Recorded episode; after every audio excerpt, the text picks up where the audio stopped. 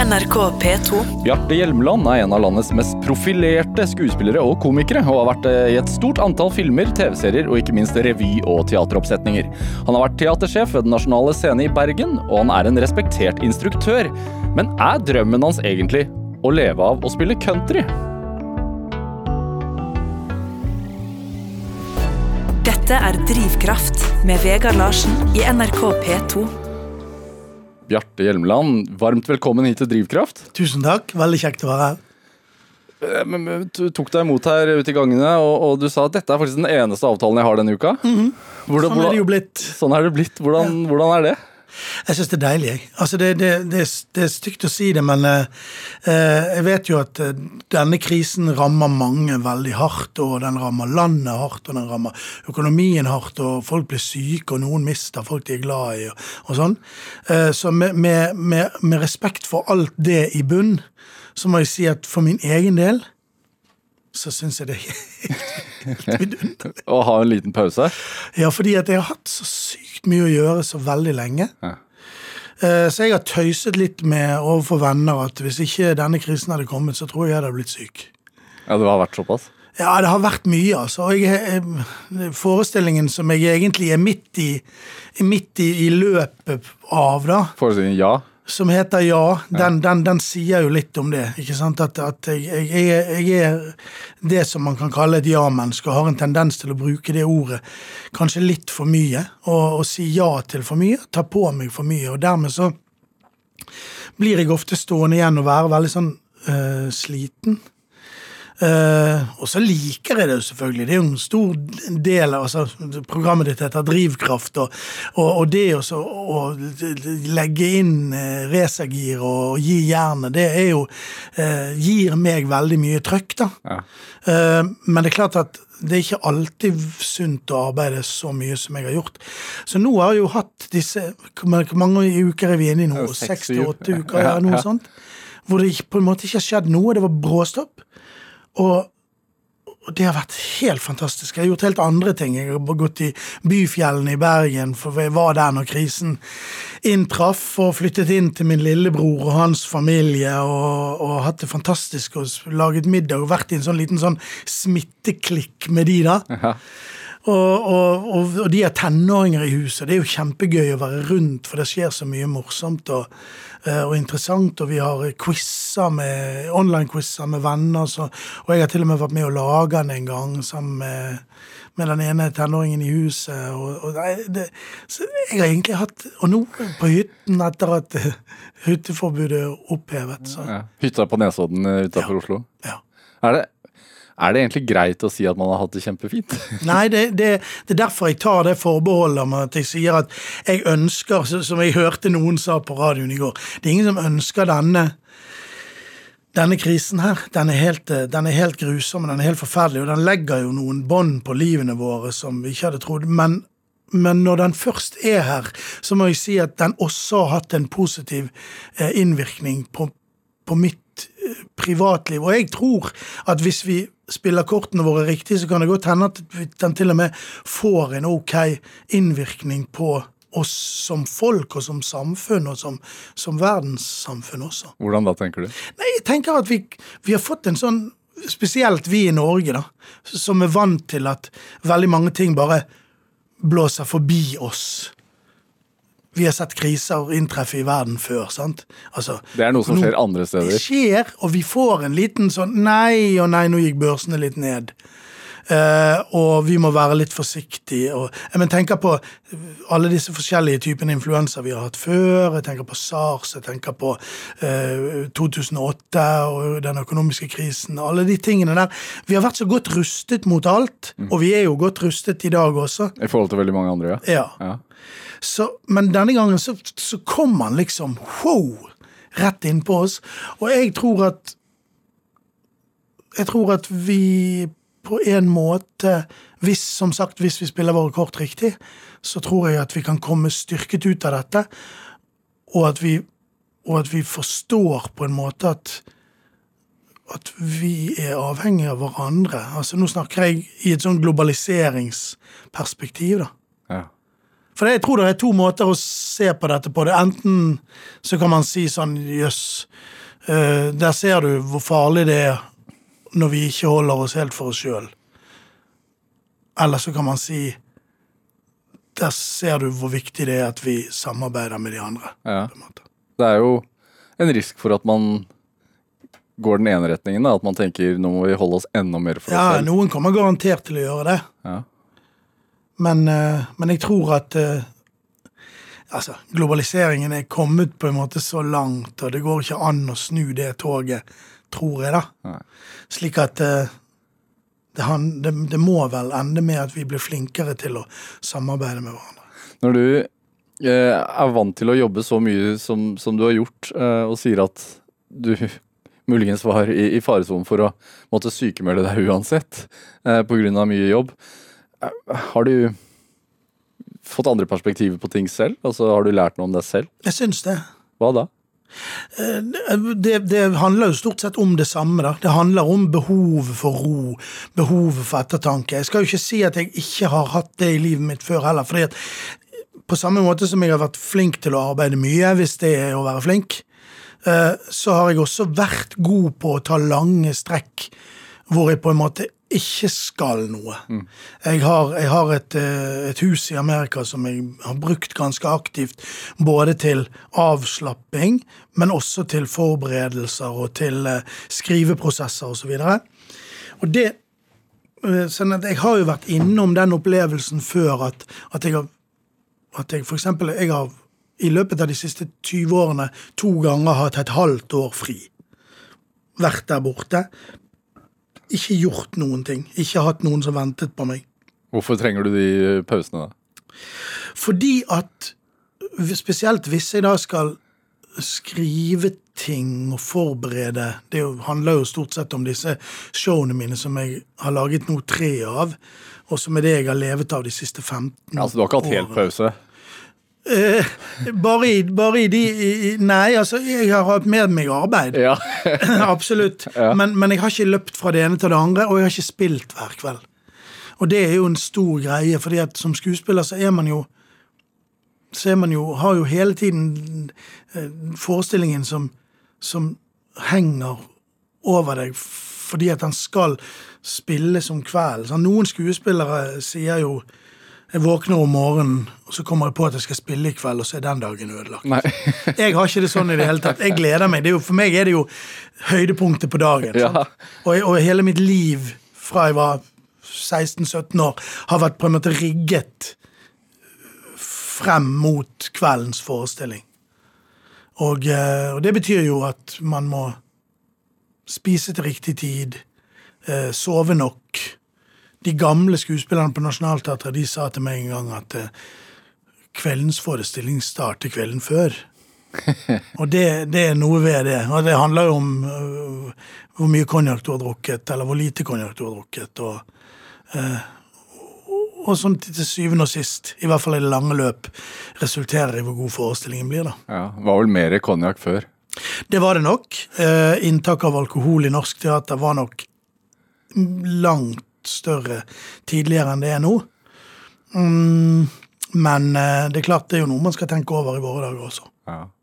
Men jeg tenker sånn i forhold til det at man blir tvunget til å ha en pause. Er det og, og rutinene blir brutt opp, og, og man har får rett og slett ikke mulighet til å drive det jaget som man vanligvis gjør. Da. Hva tror du det gjør med, med oss, eller med et menneske?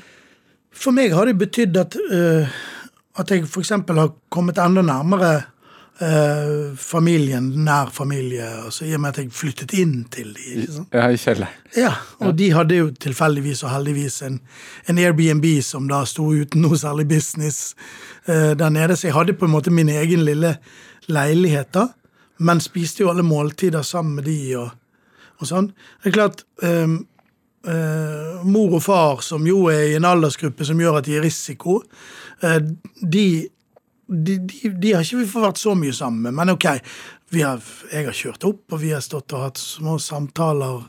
De har stått på terrassen, og vi har gått turer sammen og sånn. Hatt kanskje annerledes samtaler? Eh, ja, kanskje. Jeg, nå har jeg så godt forhold til mine foreldre i utgangspunktet at eh, jeg tror ikke Jeg tror ikke de har vært De har ikke vært så preget av det, egentlig. Det, har du skapt noe på disse seks ukene, da? Ja, det har jeg.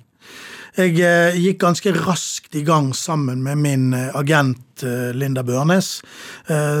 Hun produserte hun, hun, hun kastet seg rundt og er et veldig sånn Ja-menneske? Både et ja-menneske og et veldig sånn dugnadsmenneske.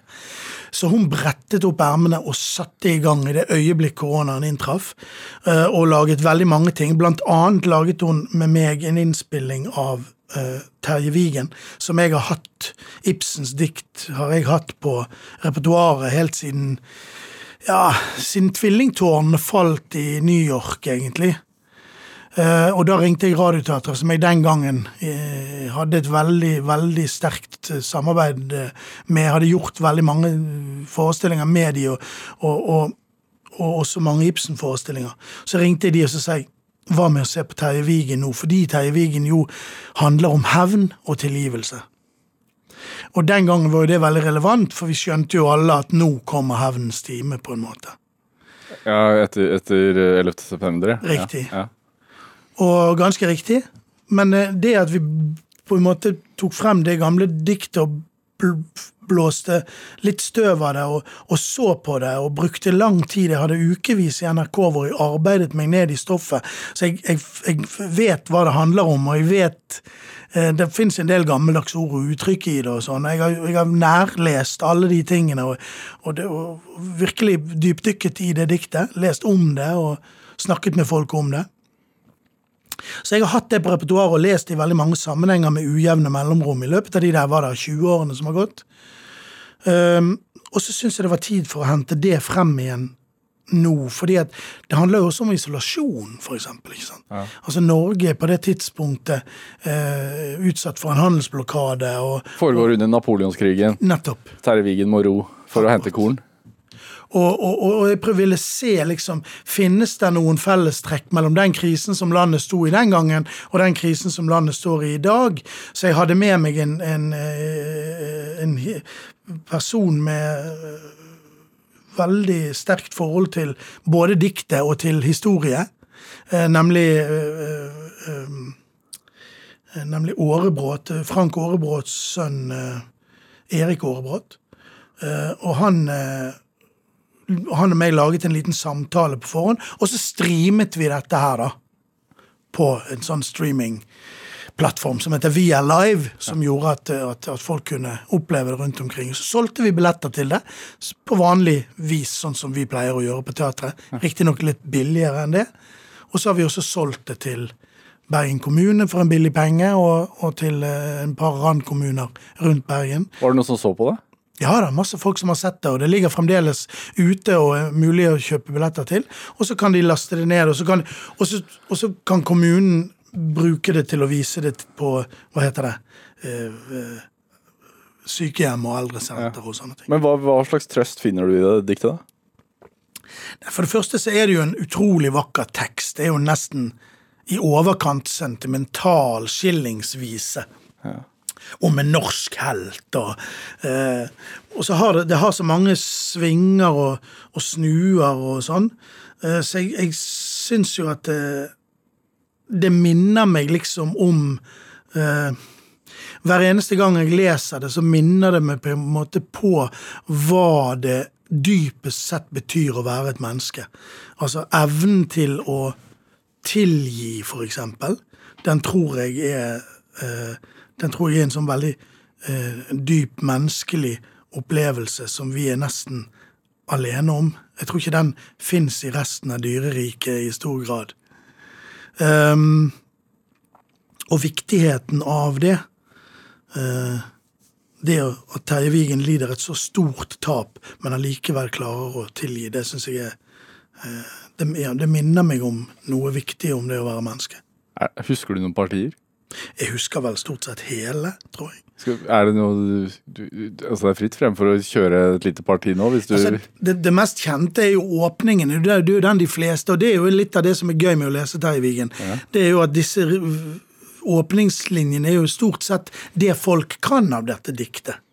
Ikke sant? Der bodde en underlig, gråsprengt en på den ytre ytterste nøgne ø. Han gjorde visst intet menneske men hverken på land eller sjø, men stundom så gnistret hans øyne stygt, da helst mot urolig vær, og da trodde folk han var forrykt, og da var det få som uten frykt kom Terje Vigen nær. Dette er Drivkraft med Vegard Larsen i NRK P2. Og i dag er eh, skuespiller Bjarte Hjelmland her hos meg i Drivkraft på NRK P2. Vi hørte akkurat åpningen av Terje Wigen, Ibsens dikt. Eh, det var fint, da. Det er sterkt, da. Og han frykter været. Vi frykter kanskje viruset. Ja. ja, vi gjør jo det. Eh, altså, du er i Oslo nå fordi du, du bor jo i Oslo. Men du har en hytte på Nesodden, og så har du leilighet i Grimstad. Ja, den har jeg kvittet med meg med. Du har kvittet deg med det? Ja, Eh, og så har du et hus på Key West i Florida, og en båt som du kan bo i. Ja. Hvor er hjemme, egentlig, Bjarte Hjelmeland? Eh, det er nok leiligheten i Oslo, selv om jeg opplever jo det å komme til Bergen alltid som det å komme hjem, da. Eh, og mer og mer, vil jeg si. Altså, jeg flyttet jo så tidlig fra Bergen at jeg har, jeg har bodd i Oslo langt lenger enn jeg har bodd i Bergen. Um, Men alle disse bostedene, altså er du rastløs? Er det derfor? Og så liker du deg på forskjellige steder? Får du ja, jeg gjør nok det. Altså, eh, jeg syns de stedene har noen forskjellige ting ved seg, da. Uh, noen har bare en sånn prakt den bå, Det å kunne bo i båten, det er simpelthen av en sånn praktisk art. fordi at i tillegg til at jeg har alle disse stedene, så, så bruker jeg de også eh, når, Eller for å si det på en annen måte, når jeg ikke bruker de, så leier jeg de ut veldig ofte. Um, for det er jo dyrt å ha så mange steder, så jeg må jo ha en viss inntekt på de også. ja. Um, men jeg um, men, Og denne båten den har nå ligget på Aker Brygge, og den har jeg brukt da som bolig deler av året mens jeg spilte på Chat Noir. uh, januar og februar. Hvordan er det å våkne opp i en båt, da? Det kan være veldig fint.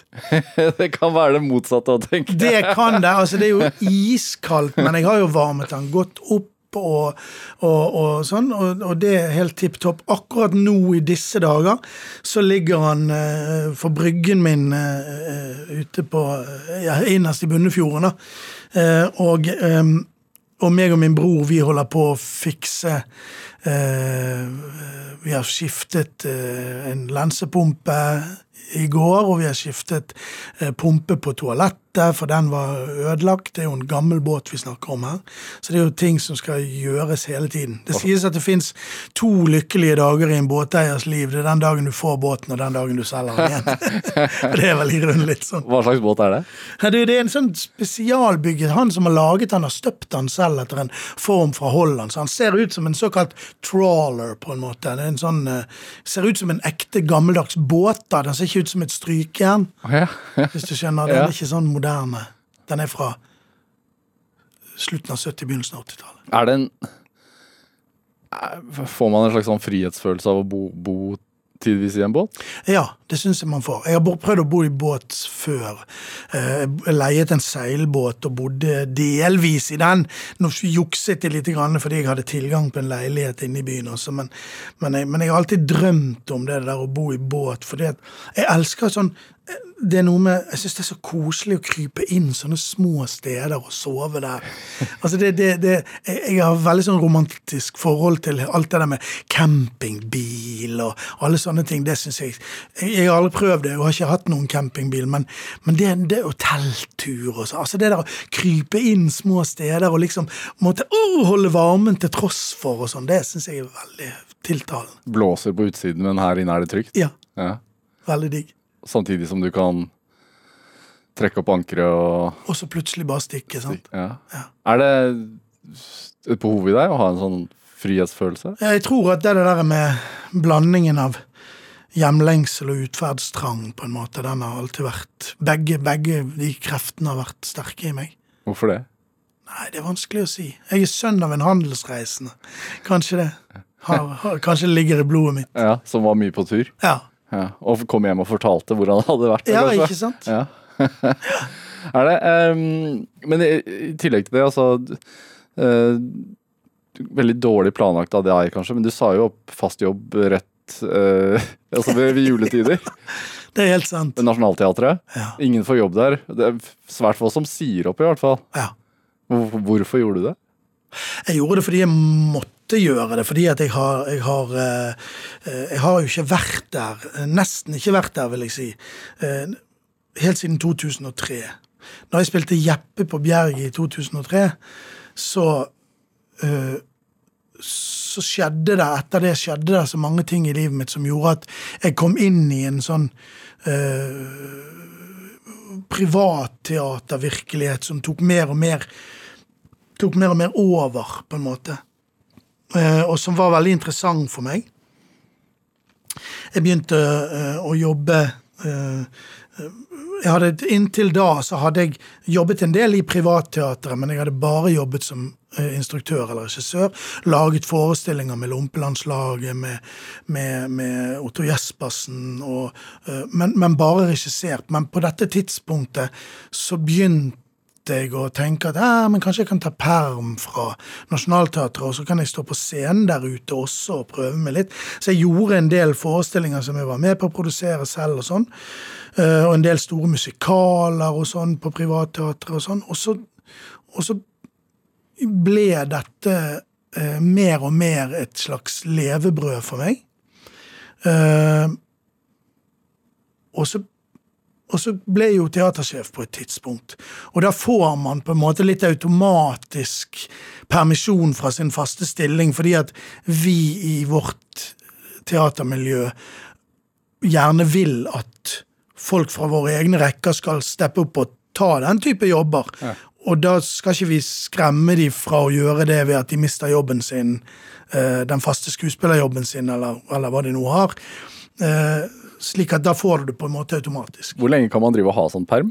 Egentlig så tror jeg arbeidsmiljøloven regulerer det der veldig sterkt, men jeg skjønte jo ganske tidlig etter den jobben, og jeg skulle, etter, etter teatersjefperioden, da hadde jeg allerede hatt seks år med permisjon, tror jeg, så skjønte jeg at dette går jo ikke, jeg må jo slutte på Nationaltheatret. Så jeg ringte inn, forsøkte å få de til å liksom avslutte mitt arbeidsforhold, men da sjarmerende nok, så og, og, hva heter det, jeg ble veldig øh, Følte meg veldig godt ivaretatt, da. For da, da overtalte de meg Nei, men ta et år til med permisjon, og så kommer du tilbake til oss. Og så. Men så tok det ene det andre, og etter hvert så hadde jeg plutselig hatt 13-14 år med permisjon. Og da begynner det å bli flaut. Ja, Når er sist gang du sto på Nationaltheatret? Ja, det er jo, altså Mellom 2003 så gjorde jeg ja, faktisk nå i 2018 så gjorde jeg Cyrano de Bergerac på, på hovedscenen der igjen. og På, fri, på frilanskontrakta, eller? Nei da, da var jeg inne på min vanlige faste stilling. Og så, og da var jeg innrullert i systemet igjen. Og, men så hadde jeg så mye planer utenom at da forsto jeg at her må jeg bare sette meg ned, og så må jeg, må jeg på en måte oppsummere den delen av livet mitt. Så skrev jeg en skrev jeg en veldig sånn velbegrunnet oppsigelse, hvor jeg på en måte takket Nationaltheatret for eh, de, de fine årene jeg har fått hatt der. For jeg hadde jo tross alt 20 år hvor jeg var der. Og, og fikk fantastiske oppgaver og fikk lov å utvikle meg og fikk bygge stein på stein. og, og, og som har vært med å, å lage i hvert fall den skuespilleren jeg er blitt i dag, og det mennesket jeg er blitt i dag. Jeg tenker som når man går på teaterhøgskolen og sånn som du har gjort, eh, så drømmer man jo om å få jobb på Nationaltheatret. Og så har det jo det vært der i mange år. Og så sier du opp. Altså er det, er det et slags kapittel som er over, eller hva, hvordan ser du det? Ja, på en måte så er det et kapittel som er over. Og, og det er jo også en, Det ligger jo en, en tristhet eller en sorg i det, fordi at eh, fordi at Jeg har hatt et veldig sterkt kjærlighetsforhold, og har egentlig et veldig sterkt kjærlighetsforhold til det teatret. For jeg føler på en måte at jeg er vokst opp der. Når, når vi kom, Henrik Mestad, Anne Rygg og jeg, kom tidlig på 90-tallet eh, eh, til Nationaltheatret, så, så var Ellen Horn vår sjef, og, og vi, vi fikk Vi var litt ufarlige. Eh, vi hadde høyt humør, og, og, og, og jeg tror egentlig Var det greit å ha høyt humør, som du kaller det? Ja, jeg tror, jeg tror det teatret trengte det, på en måte. Hvorfor det? Fordi det var et veldig sånn Det, det var jo preget av at det hadde høy gjennomsnittsalder. eh, Og det, var, og, det, og det sto på en måte fremdeles med en, veldig, med en fot i det veldig gammeldagse. ikke sant? Altså um, Per Obel og Wenche Foss var still dancing, på en måte. sant? Og, eh, og det var fantastisk. Samtidig som det føltes som det var en ny tid, og vi skulle sette vårt preg på det. Og det, det fikk, vi, fikk, vi, lov til. Og Ellen var fantastisk til å gi oss uh, oppgaver som både var utfordrende, spennende, vi følte vi var med på å legge repertoaret sammen med henne. Våre ønsker og, og, og, og sånt ble hørt. Samtidig som uh, som vi ikke fikk sånne svære oppgaver som gjorde at vi knakk nakken og, og, og ble dritt ut i avisen eller fikk Shakespeare-angst eller sånne ting. Men hva er det Men jeg tenker når Wenche Foss og Per Aabel går ut i gangene, og også andre som de to slår ikke meg som spesielt strenge, men de var kanskje det? Per Aabel var kanskje Nei da, de var nok veldig altså Begge de hadde jo i hvert fall Wenche hadde jo en sånn veldig inkluderende form, da, og, og Per hadde jo i hvert fall tilsynelatende det. Eh, jeg ble godt kjent med han på, mot slutten av hans liv, fordi at jeg fikk eh, det som heter Per Aabels ærespris eh, allerede i 94. Jeg var 24 år gammel, og, og, og, og du vet, for Per, som, som var en sånn eh, gammel, litt enslig homo, så syns vel han det var ganske gøy med, med, meg som var 24 år og helt åpen om disse tingene. Eh, så jeg fikk ofte Per Aabel til bords på julefester og, og, sommerfester og sånne ting. Ja. Eh, og det var selvfølgelig veldig underholdende. Eh, men, men, jeg har jo også hørt historier om at han kunne være nokså uh, uh, usjenerøs, egentlig. Ja. Mot både kolleger og Det var noen som sa en gang at det gjorde litt vondt i hjertet hans hvis han hørte om en amatørteaterskuespiller i Harstad som hadde litt suksess. Ok, uff a meg. Ja, det, Har det vært litt sånn? Altså, jeg, vet, jeg vet ikke hvordan Jeg får inntrykk av at det er relativt inkluderende på, på teaterne nå, men har det vært et tøft miljø? Nei, det syns jeg ikke. Ikke et tøft miljø. Jeg opplever at teatermiljøet er på mange måter veldig inkluderende og, eh, og har hatt stor takhøyde for f.eks. For, for annerledeshet og sånn. Um, men det er klart at det, det er jo også Vi er også si, konkurranseutsatt på den måten at eh, det som kjennetegner skuespillere, er jo at vi ønsker å jobbe. Ja, Så når det kommer en ung, så frykter man litt for posisjonen sin? Ja, kanskje man gjør det, men, men i hvert fall så, så mer, Jeg merker jo det at eh, eh, Og det er også en del av det er også en del av den oppsigelsen min. det at Jeg var jo i ferd med å bli en sånn skuespiller som jeg foraktet da jeg var helt ung. Hva slags skuespiller er det? Som er en sånn som bare er innom og stempler og sjekker og bruker Nationaltheatret som en slags sånn uh, hva skal man si, fallskjerm eller trygghetssentral eller noe sånt. Uh, det syns ikke jeg var noe stilig når jeg var 24. Uh, hvis man skal være en del av et sånt ensemble, så blir man nødt til å gjøre det med hele seg. Og det er det veldig mange på Nationaltheatret som gjør. Mm. Og det merket jeg at jeg ikke i samme grad gjorde lenger.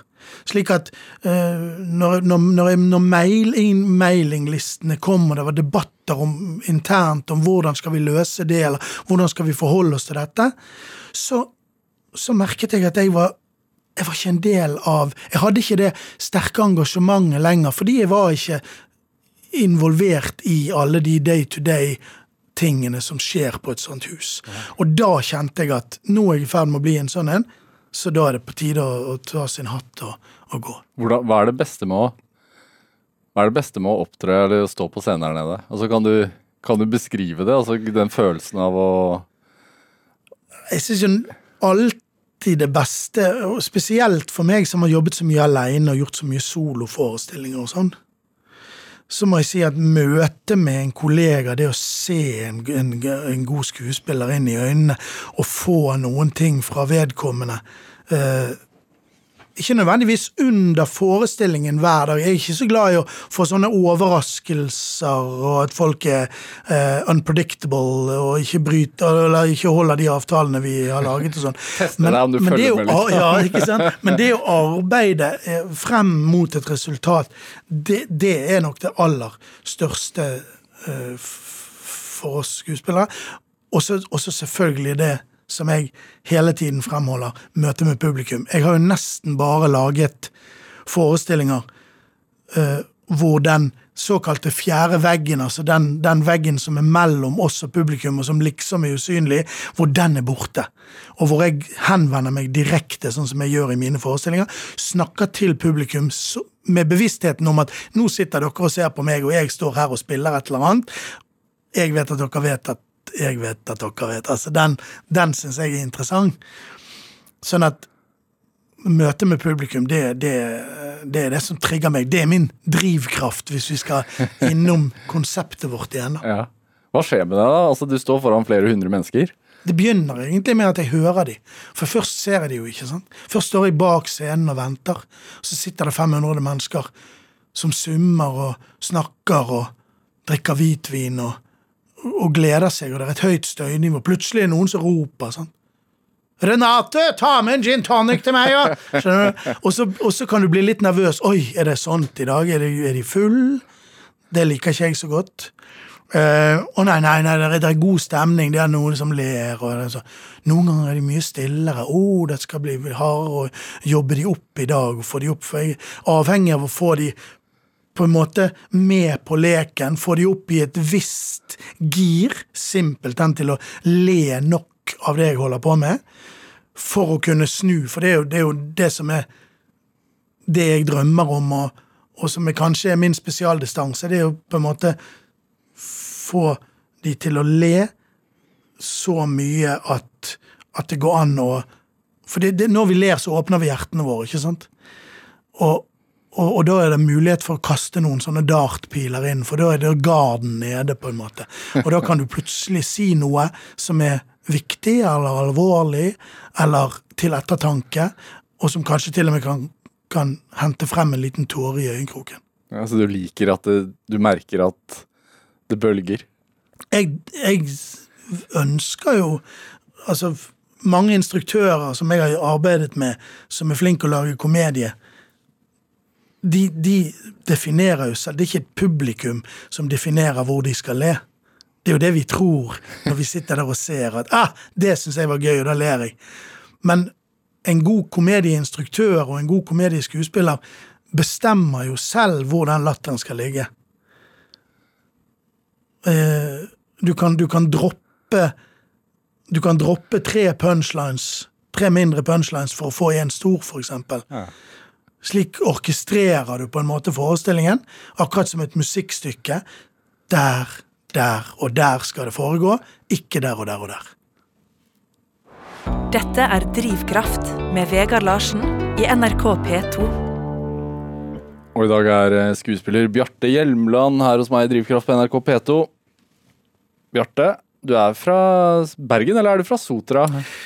Jeg er født i Bergen og er bergenser, men eh, på tidlig 70-tall, omtrent når jeg gikk i jeg skulle tro jeg skulle begynne i andre klasse. Da kjøpte mine foreldre hus, bygget hus, på den ganske store øyen Bergen som ligger ja, Den gang var det en time å kjøre ut av Bergen. Ut til Sotra? Ja. ja. Hva slags sted er det? Du, det er, en, det er en ganske stor øy. Sotra betyr den svarte øya Sartor. Den brant på et eller annet tidspunkt. Jeg tror vi er veldig langt tilbake i tid. Eh, og den ligger helt ute i havgapet. Uh, kjent for uh, historiske steder som f.eks. Telavåg, som også brant, hvor tyskerne uh, hevnet seg for englandsfarten og, og brant hele, hele, bygda ned. Um, Veldig kontakt med havet, da? Absolutt. Altså, havet er, er, er som, som, alle steder i kystnære strøk, en venn og en, og en, og en fiende. Eh, så det har vært eh, tradisjonelt sett et sted for, for fiske og mindre vestkant, vestlandsgårder. Um, men moren og faren din drev jo ikke med verken det eller det andre? Ingen måte. Det ble, ble laget et, stukket ut et stort byggefelt eh, på en av disse gårdene, så vi var en 100-150 eh, nye, nybygde hus med en haug med unger fra hele bergensområdet som da skulle uh, fungere sammen. Det gikk ganske bra. uh, det var et fantastisk sted å vokse opp fordi at uh, det var så mange barn der. da. Men, men merket du Merket du allerede den gang, altså som da var du jo seks-syv år da, da du flyttet ut der, at du hadde noe skuespillertalent? Altså hvor, hvordan, hvor tidlig merker man sånt? Merket det veldig tidlig. Altså, jeg, jeg eh, hadde et eh, Hvorvidt jeg hadde talent, det skal ikke jeg uttale meg om selv, men jeg eh, hadde et Kom rett enormt behov. Kom rett inn på Teaterhøgskolen. Kom rett inn, fikk jobb på Nationaltheatret som 21-åring. Et talent hadde Jo da, jeg hadde nok et talent, men, men, eh, men, men det som var mest fremtredende i meg, det var nok et behov for å opptre. Jeg var et sånt irriterende barn som hele tiden skulle stikke meg frem. Jeg begynte veldig tidlig å spille gitar og, eh, og synge, og, og ville opptre i alle sammenhenger, og, og ønsket å være morsom, var sånn masekråke på skolen. Og Hvor mange søsken er det? Det er bare meg og min lillebror, Ja. som er fire år yngre enn meg. Er han lik? Nei, han, det var jo ikke plass, den rollen var jo opptatt. Sånn. sånn at han måtte jo bli den mer ettertenksomme.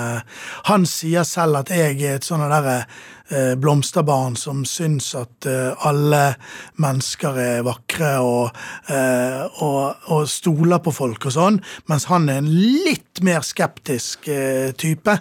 Eh, og, og, ikke fullt så optimistisk som meg i alle sammenhenger. For du gjør det? Du stoler på mennesker og syns folk er innerst inne gode? Ja, jeg har hatt en tendens til det. Jeg merker at det er veldig ofte at jeg setter fra meg ting og tenker at den får nok stå i fred. Og selvfølgelig har jeg brent meg på det der og røket noen sykler her og der og sånn.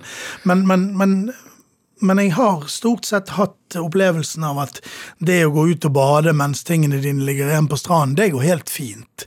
Og at folk ikke bøffer deg. og Ja. Eh, og det er selvfølgelig på en måte er det naivt, på en annen side så, så jeg har nok en tro på det gode i mennesket. ja. Hvor, hvor, hvor tror du det behovet for å opptre kom fra? da? Altså er det, du, du nevnte at faren din var handelsreisende og var lite hjemme. og så det, Kan det ha noe med sånt å gjøre? eller hva?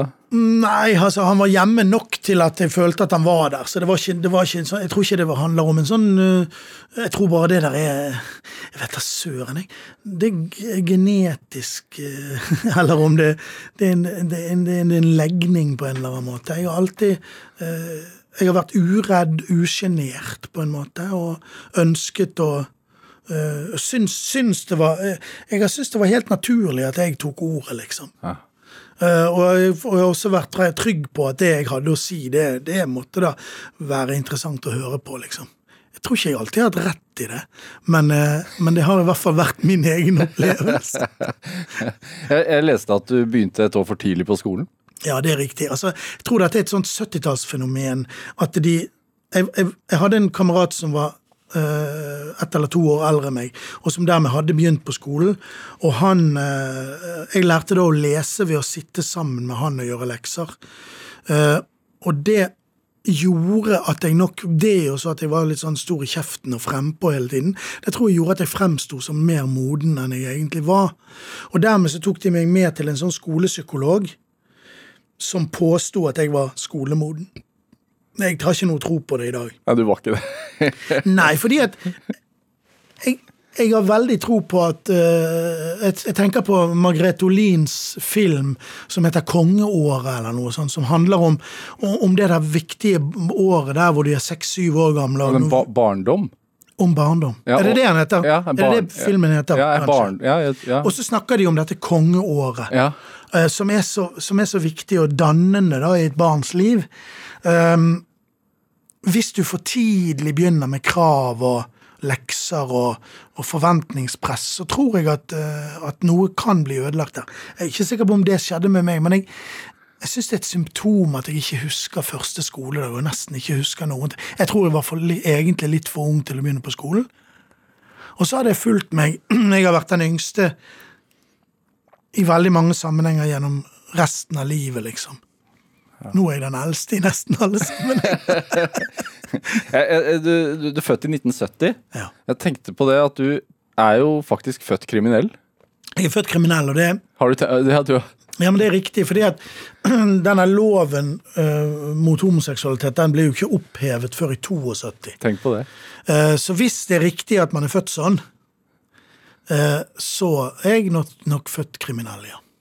Er det Altså, hva, hva, hva tenker du om det sånn i ettertid? Det er, er jo ikke lenge siden, egentlig. Nei, det er ikke lenge siden. Og jeg syns jo det har vært veldig spennende, fordi at øh, øh, jeg gjorde meg jo unna med det der som folk kaller for coming out startfasen. Jeg tror jeg var inne i det berømte skapet i omtrent 14 dager i, eh, fra jeg oppdaget min egen seksualitet til jeg fortalte det til noen. Jeg overdriver litt nå, men, og jeg, jeg banaliserer det litt og gjør det litt lettere enn det egentlig var, for det var jo noe jeg gikk og balte med et par år. Men, det, men det, så, så tenker jeg at jeg gjorde meg ganske fort unna med det. Jeg fikk liksom fortalt både klassekamerater og foreldrene mine og familien min om hvordan det sto til med meg ganske tidlig. Så dermed så fikk jeg på en måte en hel, jeg fikk liksom en hel ungdomstid uh, med hva skal man si, med seksualiteten i behold. Og, og, det er ikke så mange som gjorde den gangen, i hvert fall. Fordi at uh, det, det, fantes på en måte ingen uh, som var åpne. Det, jeg, visste kun om, jeg visste kun om Anders Rogg. Ja, han var jo, Fra Tramteatret? Ja, han var ja. superberømt pga. disse seriene, halvsju-seriene. Uh, og, og, han hadde sagt uh, på riksdekkende TV at han, uh, at han, var homofil, og det, det var jo fantastisk. Men ellers var det ingen. Men er det, altså fordi som, Både som skuespiller, men også de ting du har gjort på TV, tenker på, på serien Å være, altså det, det fremstår, altså virker jo som du er veldig opptatt av identitet. Ja. Er det tanker du har hatt med deg i livet? Altså... Det har nok vært med å prege meg. altså ikke nødvendigvis akkurat eh, ikke den, hva skal man si, den seksuelle delen av dette, eller noe sånt, men, men den lille opplevelsen av annerledeshet og og den bråmodningen du får ved å måtte definere deg sjøl på et veldig tidlig tidspunkt, og måtte stå opp for noen ting og si at sånn er det med meg, like it or not, det har nok vært med på å prege meg eh, i stor grad. Og når du har gjort det én gang, så er det kanskje ikke så farlig å gjøre det en gang til. Og dermed så, selv om jeg eh, i mange sammenhenger har følt meg veldig sånn eh, eh, Fordi at jeg er en en, en, glad fyr, så sammen, sammen med den positiviteten som vi allerede har vært innom, så ligger det også en form for konfliktskyhet. Fordi at du ønsker jo at situasjoner skal bli hyggelige, og at, og at ting skal gå opp. Uh, og dermed så, så har det der med å ikke ville gå inn i ting som er ah, som kanskje var tøft, det det har nok også ligget der. Så for da jeg skulle bli teatersjef, så var jo en av de, det var en av de store tingene som jeg trengte mange måneder på å tenke igjennom. Kan jeg ta denne jobben nå? Fordi at det betyr at jeg må sitte ansikt til ansikt, sånn som meg og deg sitter nå, og så må jeg kunne si til folk ubehagelige ting. Mm. Folk som Folk tidligere er, var kolleger på lik linje? Nettopp. Ja. Så må jeg si at jeg vet at du drømmer om denne rollen. Jeg vet at du er i riktig aldersgruppe for den, og den hadde vært en fantastisk sjanse for deg å få, men jeg har valgt å gi den til en annen. Og det er ganske hardt ja. for en skuespiller. Ja, du, du, var teatersjef ved Nasjonale Scene i Bergen i fire år. Ja. ja. Hva Var det som du forventa? Eh, både og. Jeg visste jo mange ting om dette, fordi at jeg har jo levet hele mitt liv inne på et institusjonsteater, og jeg kjente Den nasjonale scene godt. Jeg hadde gjestet her som skuespiller hvert annet år eh, i, mange, i, mange, år. Eh, så jeg kjente ensemblet, jeg kjente teknikerne. Eh, um, men det er klart, når man går inn i en sånn lederposisjon, så får man seg jo hele tiden overraskelser. Både både sånn intern uh, overraskelser uh, inn, inni meg sjøl, da. At Å uh, ja, jøss, reagerte jeg på den måten plutselig? Eller hvorfor løste jeg det sånn? Og, og du er utsatt for et så stort press hele tiden at, at det, kan, det, kan, skje sånne ting at Du har reagert på måter du ikke kjente deg igjen i? Ja. Hva slags? Hvordan? Nei, For eksempel med et sinne som jeg ikke var sikker på, som jeg ikke visste at jeg hadde. Eh, fordi at trykket er så stort at det kan komme ut. Pluss at jeg, hadde, jeg, var jo for så vidt vant til å være arbeidsleder på den måten at jeg hadde laget nokså store oppsetninger tidligere. Uh, så du har, jeg har vært arbeidsleder for inntil 30 mennesker før det. Men det er klart å ha ansvaret for, et, for en hel arbeidsplass med, med, med, med, mange millioner kroner som skal inn i kassen, og med, og alle de hensyn man må ta, det er, det er, noe helt annet. Og det som skjer jo, det er jo at, eh, at veldig mange klapper deg gode råd på skuldrene hele tiden. Og, og, når du er litt sånn happy type som jeg har villet fremstå som, så får du mange av de der rådene som er i den retning at eh, ja, nå, nå, nå må du steppe opp, nå nytter ikke det å bare smile og være godt likt og, og, og sånn, nå, nå må du ta tøffe avgjørelser og sånn. Som gjorde at i stedet for å løse ting på den måten jeg var vant til å løse ting på, med, en, eh, med et humør og med diplomati og med uh, evnen til å kanskje forsøke å se ting fra den andre side osv., så, videre, så ble jeg plutselig veldig sånn streng og veldig hard på ting, for jeg skulle nå i hvert fall vise hele verden at jeg kunne ta tøffe avgjørelser og sånn, som gjorde at jeg gikk altfor langt i min respons til folk som gjorde ting eller oppførte seg på en måte som jeg ikke syntes var riktig. Ja ble altfor streng, skrek til folk på telefonen og sånn. og Inntil jeg skjønte etter bare få måneder ut i den jobben at dette går jo ikke. Jeg kan, kan jo ikke opp... Du blir plutselig en bølle. Det går jo ikke an. På grunn av en usikkerhet? På grunn av, ja, og på grunn av at du tror at det er forventet. Ja, nå er du sjef, nå, nå er det du som at, Så Istedenfor å ringe folk og si 'hvorfor gjorde du det', og, og 'hvordan skal vi løse dette', og 'kan jeg hjelpe deg med noen ting', eller Som jeg ellers ville gjort. Ja. Så man, det var en veldig lærerik prosess for meg. Ja. Og så var det veldig gøy. Fantastisk å være med og styre et sånt hus. Fantastisk å få lov å snu, snu en skute og, og, og være, forsøke å inspirere folk. Og bare det å legge et repertoar. Jeg var jo overrasket ikke sant? når jeg hadde sett på hvilke stykker skal vi spille, og så la jeg frem eh, forslag til repertoar, jobbet sammen med mine medarbeidere, og så, og så plutselig så kom det fra et fra teknisk sjef en oversikt, og så så jeg sånn Å ja, det ble det stykket, ja, tenkte jeg. som du hadde bestemt? Jeg, jeg, var jo meg som hadde bestemt det, selvfølgelig ble det det. Og da var jeg positivt overrasket, så det var litt rart. Dette er Drivkraft med Vegard Larsen i NRK P2. I dag er skuespiller Bjarte Hjelmeland her i Drivkraft. Altså, Vi har vært innom karrieren din som teatersjef og, og, seriøse stykker, det å stå på scenen. Men, men altså, du er veldig kjent for uh, parodier? Ja, og det er litt underlig, for jeg er ikke noen spesielt kjempe, jeg er ikke noen veldig god uh, imitator eller parodiør. Jeg har tøyset med det. Du, er, du har gjort masse, masse, av det? Ja, men, det, men jeg mener, jeg, det koketterer ikke når jeg sier det. De som virkelig er flinke til det, uh, de som, sånn som f.eks. Rune Andersen, som kan sitte seg ned og, og, jobbe frem en parodi og virkelig Jeg er nesten eh, Det er noen som jeg umiddelbart kan kan eh, liksom kjenne at 'å ja, han eller hun har jeg liksom inne'. Hvem? ja, men, det, men det, veldig ofte så er det jo folk som, det, som du ikke kan bruke. Sant? Fordi at de ikke er kjent nok. eller noe sånt. Ja. Og det, det, er jo ikke noe gøy. sånn som På skolen kunne du parodiere en lærer, og så kunne du komme unna med det. Og, og, og, og så, så, veldig ofte så henger det igjen sånne gamle ting som folk som ikke er så aktuelle lenger. Sant? Som ja. Ingrid Espelid Hovika, som kunne komme dragende med en Ingrid Espelid-parodi i dag. Det er jo liksom ikke eh, Det er ikke gangbar mynt. sant? Men drev du med det på skolen? Ja, i stor grad. Ja, ja absolutt.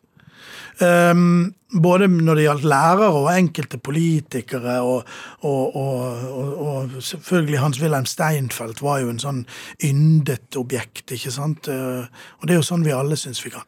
Men, men, jeg har nå gjort det, som du sier. Jeg har gjort mange. Jeg har gjort parodier på eh, både politikere. Jeg har gjort Siv Jensen, og jeg har gjort uh, Trude Drevland. Drevland i høy grad, og, og Trump, og, osv. Er det en du er veldig fornøyd med, da? Jeg syns jo det var veldig gøy da en en eller annen lokalavis oppe i Midt-Norge, nå husker jeg dessverre ikke hvilken avis det var, tok feil av bildet av meg og Siv Jensen, og smalt det ut i en, i en, i en seriøs artikkel om hennes politikk. Og så var det bilde av meg eh, i denne leppestiftkjolen. Ja, det var veldig gøy. Men altså, du har jo Jeg tenker, du er jo eh, en mann på 50 år som mm. står og parodierer rapperen Kamelen, for eksempel. Mm, Det Er litt fallhøyde der? Ja da, Og så kan du si at det er ikke egentlig en direkte parodi, fordi at det egentlig det jeg gjør, er å spille Jeg har laget en karakter som heter Dromedaren, som nesten er mer en kommentar til Kamelen, eh, men som er på en måte en sånn Gamlis-rapper som prøver å og Som jeg sier i teksten, jeg er gammel nok til å være faren. Altså, han henger, han henger med rapperne og, og, og nekter å gi, gi slipp. Eh, og vi ser jo noen sånne eksempler eh, på sånne typer. men altså, hvordan begynner du? Altså, er, du? Men du forbereder deg ikke? Det er ikke noe jo, du, går ikke, ja, men du går ikke liksom i dybden, sånn som du sa? Jo, jeg blir nødt til det, men ja. jeg bare syns ikke selv at jeg er så innmari god på det. Jeg, bare, jeg, jeg, jeg gjør jo for eksempel eh, eh, Jeg gjør jo lotepus eh, nå. Og det er jo, det er jo kjempegøy. Og så gjør jeg Lilly Bendris. Hvordan, hva er det du tar tak i? Altså, jeg tar tak i, i, dialekt, åpenbart. Og det er jo noe jeg har hatt veldig glede av å leke med. Eh, og som jeg, Der kan jeg si at der er jeg slett ikke så dårlig. Eh, jeg har jo lekt mye med dialekter eh, opp igjennom. Eh, og mange av disse karakterene som jeg lager, der tar jeg veldig ofte utgangspunkt i at de kommer fra et sted. ikke sant? Ja. Men, men når, du skal, når du skal, Og det, det er jo så herlig når du kan lage en, en karakter som bare er fra et sted. Uh, uh, og så kan du selv bestemme. Men når du skal parodiere uh, Lotepus, så bør det jo helst ligne. Ja. Nå har jeg jo fått enormt god hjelp av noen sinnssykt flinke uh, maskører. Min, min faste kostymedesigner og, og, og maskør Jonny Enderud, og, som, som, har laget kjempeflotte innpakninger til disse figurene. Det hjelper meg jo veldig. Eh, og, og, jeg ser jo på bilder av når, når Lotepus eh, og meg vi har gjort en del sånne pressestunt sammen, at vi faktisk ligner litt. Grann, og, og, det samme gjelder Lilly Bendris, som jo er i helt andre enden av, ja. av, skalaen. Vi har jo også gått på rød løper sammen og ankommet premierer eh, som Lilly og Lilly, og det har jo vært veldig, veldig gøy. Eh, I tillegg til dette her så spiller du country. Mm. Og country er en sjanger som er lett å parodiere, egentlig. Ja. Hvorfor er den hjertet ditt eh, nær? Antageligvis fordi at han er så følete og sentimental, og jeg er jo i tillegg til å være en, en fyr med godt humør, så er jeg jo også en fyr som tar lett til tårene. Uh, så, så en, eh, en, en, en, god countrylåt som, som, som, appellerer til hjertet, det har alltid tiltalt meg. 'The Crying of the Steel Guitar'. Ja. Og da har du jo også på deg hatt, og du Kjører den fullt ut? Ikke så mye lenger, nei. Jeg gjorde det fordi det var litt påkrevet da jeg lanserte denne platen i 2008, som bare heter Bjarte Hjelmeland. Ehm, men eh, det er, min, er, mindre hatt- og tivoliutstyr i dag. Jeg tenkte vi skulle avslutte denne timen med, med en låt av Bjarte Hjelmeland. Er det i hvert fall oversatt av meg. Det er egentlig en Brad Paisley-låt som heter uh, A Letter to Me. Uh, brevet til meg har jeg kalt den, og det handler om uh, handler om alle de tingene man gjerne skulle sagt til seg sjøl når man var 15-16 år, hvis man hadde sjansen til å skrive et brev og sende det tilbake i tid. Hva skulle du sagt til deg? Det kan du høre i låten. Tusen takk for at du kom hit til Drivkraft, Bjarte. Takk for at jeg fikk komme.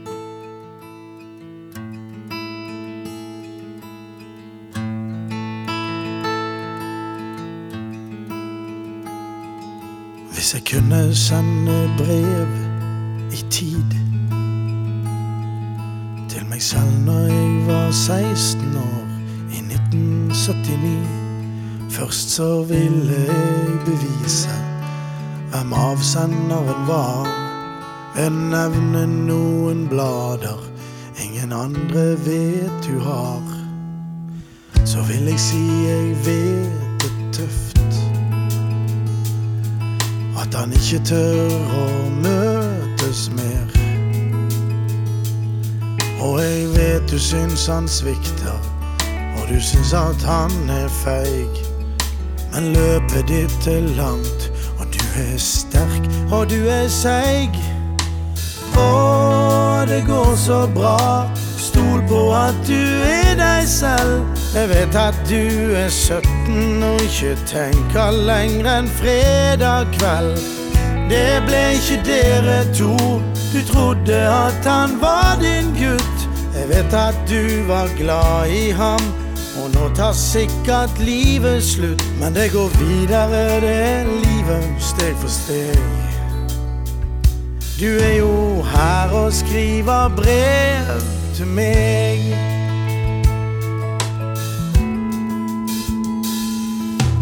Kryss hvor der er dårlig sikt. Husk å alltid stoppe fullstendig. Sjekk om du har vikeplikt. Og når du får en date med Terje, sørg for at du har nok bensin. Eller forresten, bare glem det. Den turen der blir ganske fin. Og når du krangler med din mor og far, prøv å lytte. Ikke blås av all erfaringen de har. Og du bør takke frøken Markøy. Hun har brukt fritiden sin som om hun aner diamanten. Og hun pusser deg så blank og fin. Å, det går så bra. Stol på at du er deg selv. Jeg vet at du er 17 og ikke tenker lenger enn fredag kveld. I natt er russefest, men du må regne algebra. For mor har sagt hun dreper deg hvis ikke prøven din går bra. Du får en firer som mutter'n sparer deg. Du er jo her og skriver brevet til meg. Du får nye venner overalt. Du får bra betalt. Du skal se den kjæresten du får. Bare husk å holde hodet kaldt. Jeg kan ikke si deg alt, men du er ikke nær ditt beste år. Jeg ser deg vel i speilet voksen mann. PS, klem tante Turi så ofte som du kan. Å, det går så fint. Stol på det du kjenner selv. Jeg vet at du er 17 og ikke tenker lenger enn fredag kveld. Pugg flere franske gloser, ta et kurs i EDB. Forsøk å ikke være bekymret, bare le. Jeg bare tro på at det går, så skal du se. Hvis jeg kunne sende brev i tid. tid.